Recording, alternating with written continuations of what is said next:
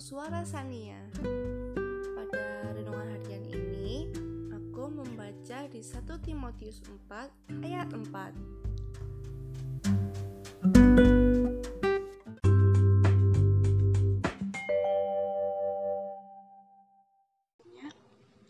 Karena semua yang diciptakan Allah itu baik dan suatu pun tidak ada yang haram jika diterima dengan ucapan syukur.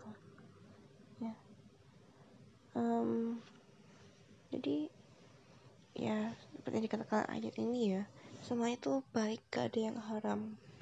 Ya kalau dengar kata-kata haram pasti yang muncul di kepala kita pertama kali adalah babi ya.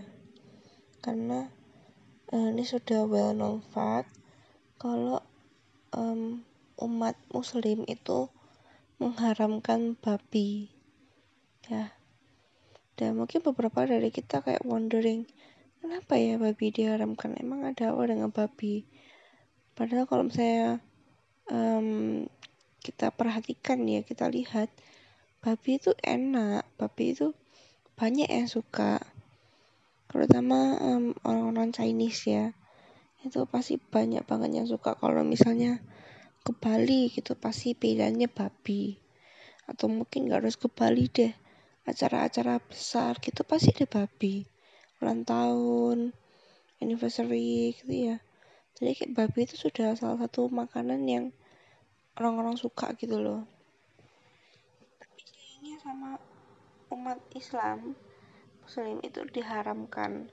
Dan banyak beberapa makanan lainnya yang yang diharamkan juga. Uh, kayak apa sih namanya?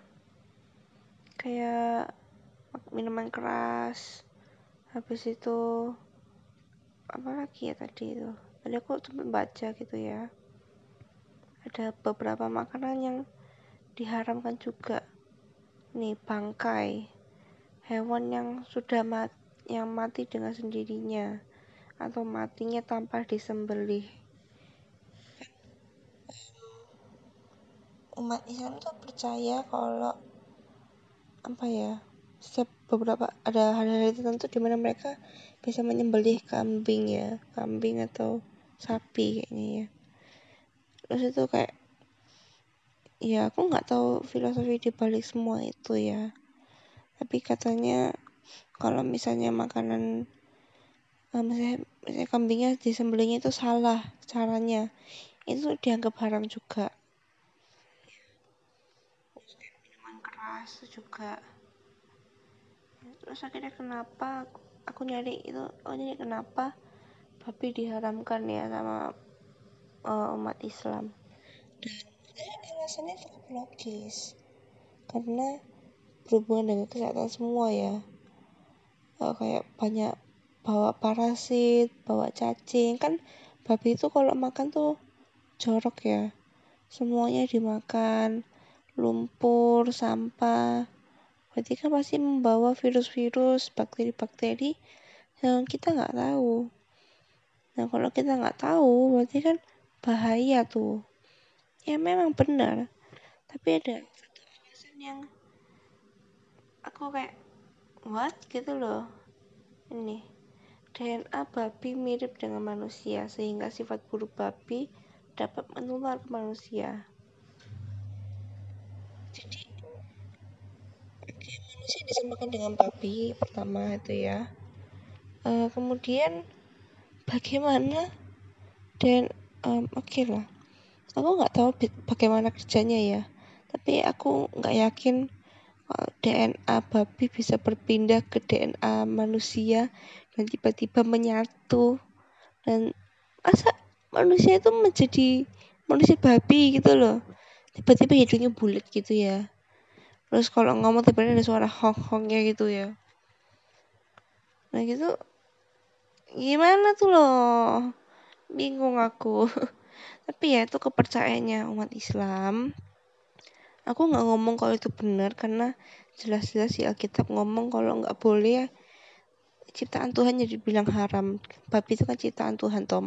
Manusia nggak ada yang bisa menciptakan babi ya kecuali AI ya kalau ada yang dibilang haram itu kayak ngomong bahwa Tuhan tuh salah menciptakan sesuatu. Kan kayak ada suatu kesalahan dengan um, makhluk itu kan. Berarti um, kayak ngomong makhluk itu dibuatkan dibuat oleh Tuhan atas sebuah kesalahan. Ya kan kok dalam bahasa Inggrisnya adalah reject. Reject apa ya? Reject itu biasanya jualnya murah atau bahkan orang nggak mau ya. Ya kayak gitu.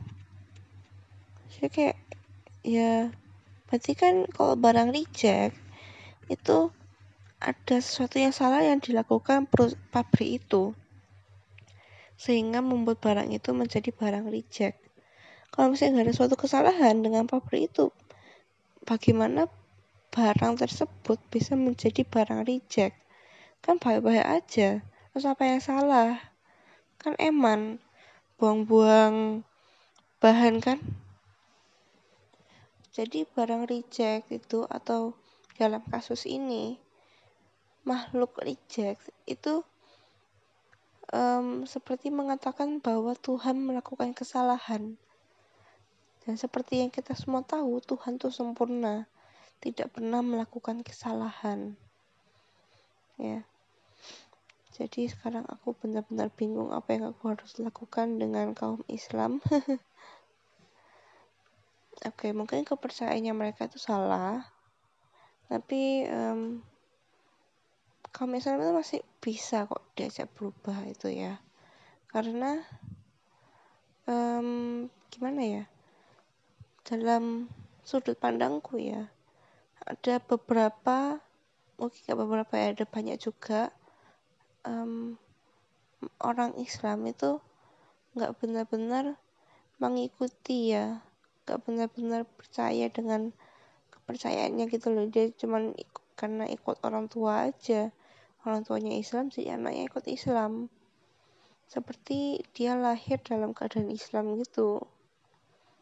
Padahal sebenarnya tuh um, jangan ya maksudnya um, kalau misalnya kamu sudah ada kepercayaan ya kamu ikuti kepercayaan itu gitu loh. Ya kan? Tapi kayaknya mungkin dia nggak memilih aja gitu loh. Jadi makanya sebenarnya Islam tuh ada bagusnya juga. Ya kayak mereka sehari tuh bisa doa lima kali. Ya terus uh, Al-Quran tuh kayak beberapa yang dia valin jadi rajin gitu kan. Itu bagus itu keren. Kita aja yang Kristen mau doa satu hari sekali aja agak susah kan. Tapi umat Islam bisa sehari doa lima kali. Itu yang keren toh. Itu um, patut kita acungi jempol tapi memang ada beberapa um, kesalahan ya menurut Alkitab yang umat Islam itu lakukan. Salah satunya adalah mengharamkan beberapa makanan atau hewan yang diciptakan oleh Tuhan ya. Kalau misalnya kayak minuman keras itu kan bukan ciptaan Tuhan itu ciptaan manusia. Cuma mungkin memang eh, apa ya eksistensinya tuh dengan persetujuan Tuhan dia. Kalau Tuhan nggak setuju pasti nggak bakal ada minuman keras. Gitu. Ya. Um, ya kita aja ya. Kita fokus ke teman-teman kita sendiri aja ya. Kita kalau kalau misalnya memang ada teman Islam yang mungkin dia mulai nggak percaya nih sama kepercayaannya. Ya ini kayaknya aku nggak cocok di agama Islam deh. Ini kayaknya aku kamu belajar apa sih di uh, Kristen itu? Dan dia kan mulai penasaran nih Kristen ada apa aja. Nah kita masuk. Kamu ajak dia untuk study Bible untuk ketemu mentor atau mungkin jangan ketemu mentor dulu deh. Um, kamu ajak dia untuk kamu cerita dulu kayak seakan-akan kayak sharing komuni gitulah. Bayangin aja kok kamu lagi sharing komuni tapi audiensnya cuma satu yaitu teman kamu. Ya. Kamu cerita bagaimana saling mengubahkan hidup kamu dan kalau dia mau ya jangan dipaksa karena uh, itu bukan cara kerjanya ya. Kamu ajak dia untuk study Bible untuk ketemu dengan mentor ya. Karena um, kan kasihan juga gitu loh. Kalau misalnya kita dia sudah mau berubah tapi kita biarin aja dia dalam kegelapan gitu ya. Kan kayak selfish gitu juga kan. Sementara kita tugas orang Kristen itu kan menjadikan seluruh bangsa murid Yesus kan ya. Gitu. Terus ini juga ada kalimat jika diterima dengan ucapan syukur ya, ya perlu diingat bahwa setiap kali kita makan setiap kali kita menerima sesuatu kita harus bersyukur sama Tuhan ya. Karena ingat ya ingat selalu diingat gak semua orang bisa bisa memiliki apa yang kita miliki ya. Mungkin kalian kaya mungkin kalian pas-pasan atau mungkin kalian kesusahan dalam ekonomi tapi tetap saja Tuhan selalu berkati kamu. Ingat small things keluarga teman kemudian the ability to breathe ya. Banyak orang yang mati dalam tidur ya. Dan itu mungkin salah satu cara mati yang paling tenang paling tidak menyakitkan karena kita dalam keadaan tidur. Tapi tetap aja yang namanya mati itu nggak ada yang enak ya. Emang kalian mau mati gitu ya terus kalian bisa bilang enak gitu ya enak ya mati. Ya ya kalian kita enak tuh mati itu kita meninggalkan orang-orang kita cintai ya. Bayangin ya kamu mati dalam tidur dalam keadaan tidur. Berarti kamu kan gak tahu kalau kamu bakal mati besok. Yang gak ada yang tahu sih. Cuma kalau biasanya kalau mati eh kalau mati karena sakit-sakit gitu kan paling gak kita bisa say goodbye say goodbye gitu sama teman-teman kita gitu ya tapi kok dalam keadaan tidur itu kan nggak kita kayak meninggalkan suatu celah dalam kehidupan keluarga dan teman-teman kita gitu loh. Dan itu cara yang paling apa ya menurutku paling tenang tapi um, benar-benar meninggalkan suatu uh, lubang dalam hati teman-teman terdekatnya gitu apalagi keluarga ya jadi kita harus bersyukur dengan apa yang kita punya walaupun tuh sebenarnya kita punya tuh nggak banyak ya. Mungkin dalam pandangan kita yang kita punya itu nggak banyak. Tapi Tuhan bakal berikan semua yang kamu butuhkan ya. Semuanya. Tanpa um, ada syarat-syarat tertentu ya. Tuhan bakal kasih kok. Kalian mau minta uang ya bakal dikasih sama Tuhan kalian mau minta pacar ya bakal dikasih sama Tuhan. Kalian mau minta barang ya bakal dikasih sama Tuhan. Tapi ya. Ada tapinya ya guys. Kalian harus uh, ikut Tuhan dulu ya. Kalian berdoa setiap hari ya. Karena Tuhan gak bakal kasih begitu aja. Um, Tuhan bakal kasih di waktu yang tepat ya. Tuhan tahu sifat kamu Tuhan tahu bagaimana kok kamu dapat barang itu ya Tuhan sudah tahu future-nya Tuhan sudah memprediksi kalau kamu terima ini sih kamu bakal bagaimana ya. Aku sudah pengalaman ya guys. Aku minta um, aku kalau minta uang tuh dikasihnya agak lama ya karena kalau begitu aku dapat uang aku langsung boros ya. Dan itu bukan sifat yang baik untuk dimiliki ya. Jadi makanya Tuhan tidak berkati aku dengan uang yang melimpah. Begitu. Ya.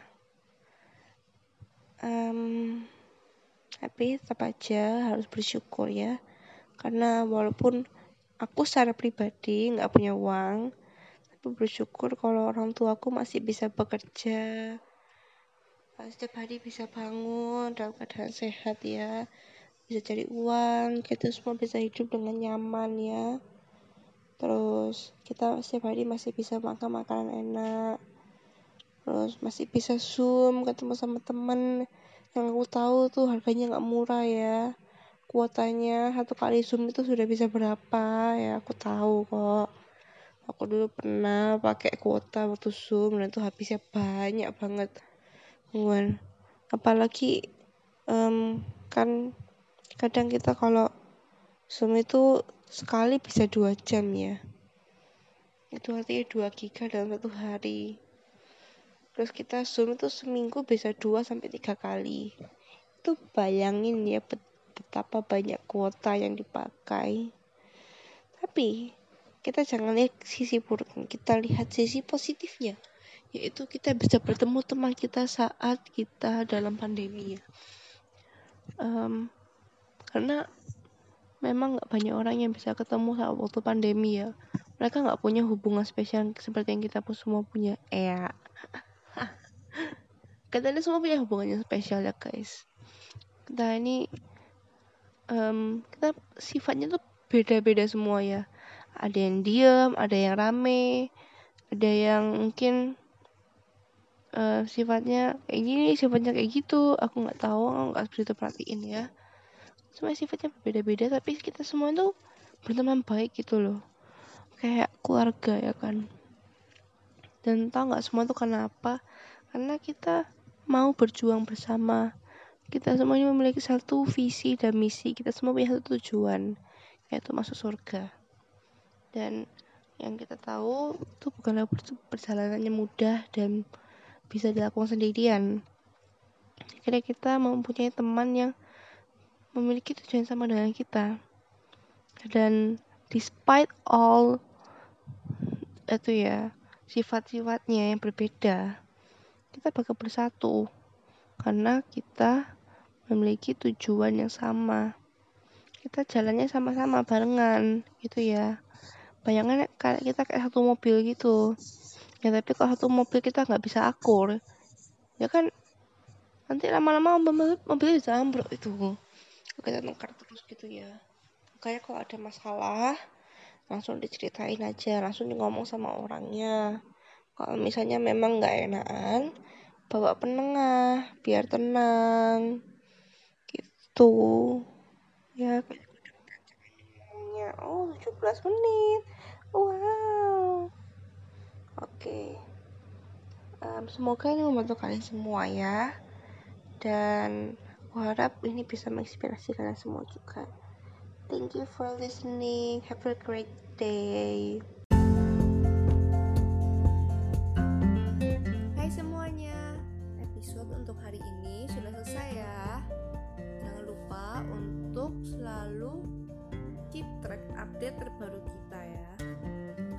selanjutnya ya. Thank you.